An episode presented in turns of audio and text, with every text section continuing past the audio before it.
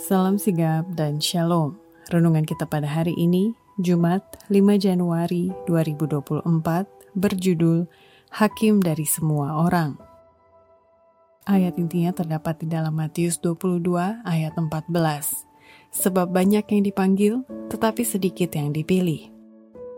Pena Inspirasi menuliskan judul renungan kita pagi ini, Hakim dari Semua Orang yang tidak lain dan tidak bukan adalah Yesus, nama di atas segala nama, agar supaya kita bisa mengalami pengalaman pribadi dan dapat memaknai dan merasakan sentuhan kasihnya, dan lebih memperkaya perjalanan hidup ini, sampai kita kelak bisa bertemu dengan dia, muka dengan muka di surga, sebagai berikut. Pertama, Sesungguhnya Yesus adalah hakim dari semua orang, makanya kita harus sadar agar jangan sampai terlena dengan segala kesibukan perkara dunia ini dan mencintai kepelesiran dengan memanjakan diri, sementara vonis hukuman sudah ditetapkannya kepada kita yang didapati terlalu ringan dalam neraca surga.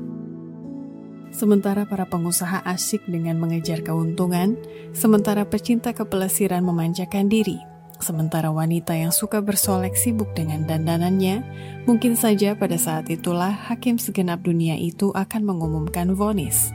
Engkau ditimbang dengan neraca dan didapati terlalu ringan.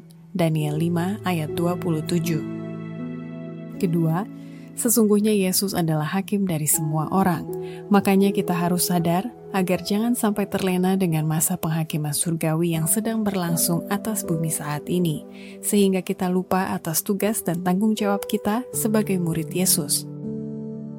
Saya melihat bola api yang sangat besar yang menimpa beberapa istana indah yang memusnahkannya dalam sekejap. Saya mendengar seorang berkata, kami sudah tahu bahwa penghakiman Allah akan menimpa bumi ini, tetapi kami tidak tahu kalau itu akan datang dengan segera.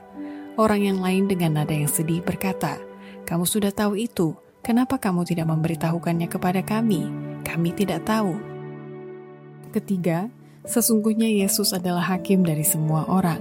Makanya kita harus sadar agar jangan sampai terlena dan kaget karena ternyata masa penghakiman surgawi itu sudah berakhir dengan terdengarnya suara nafiri penghulu malaikat yang membangkitkan orang yang sudah mati.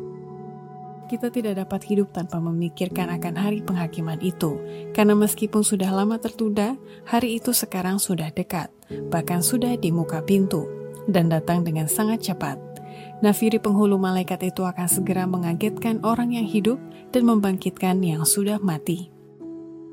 Keempat, sesungguhnya Yesus adalah hakim dari semua orang. Makanya kita harus sadar agar jangan sampai terlena dengan berbuat kebajikan selama berlangsungnya masa penghakiman surgawi. Tetapi motif atas semua perbuatan baik itu dicemari dengan sifat mementingkan dan penonjolan diri. Pada hari penghakiman, sebagian orang akan memohon perbuatan yang baik ini, dan itulah alasannya mengapa mereka harus mendapat pertimbangan.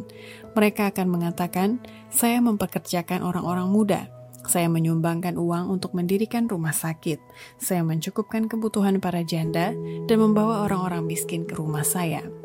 Benar, tetapi motifmu begitu dicemari dengan sifat mementingkan diri, sehingga perbuatan baik itu tidak berterima dalam pemandangan Tuhan. Dari semua yang engkau lakukan itu, dirilah yang sangat ditonjolkan. Demikianlah renungan kita pada hari ini. Kiranya Tuhan memberkati kita semua.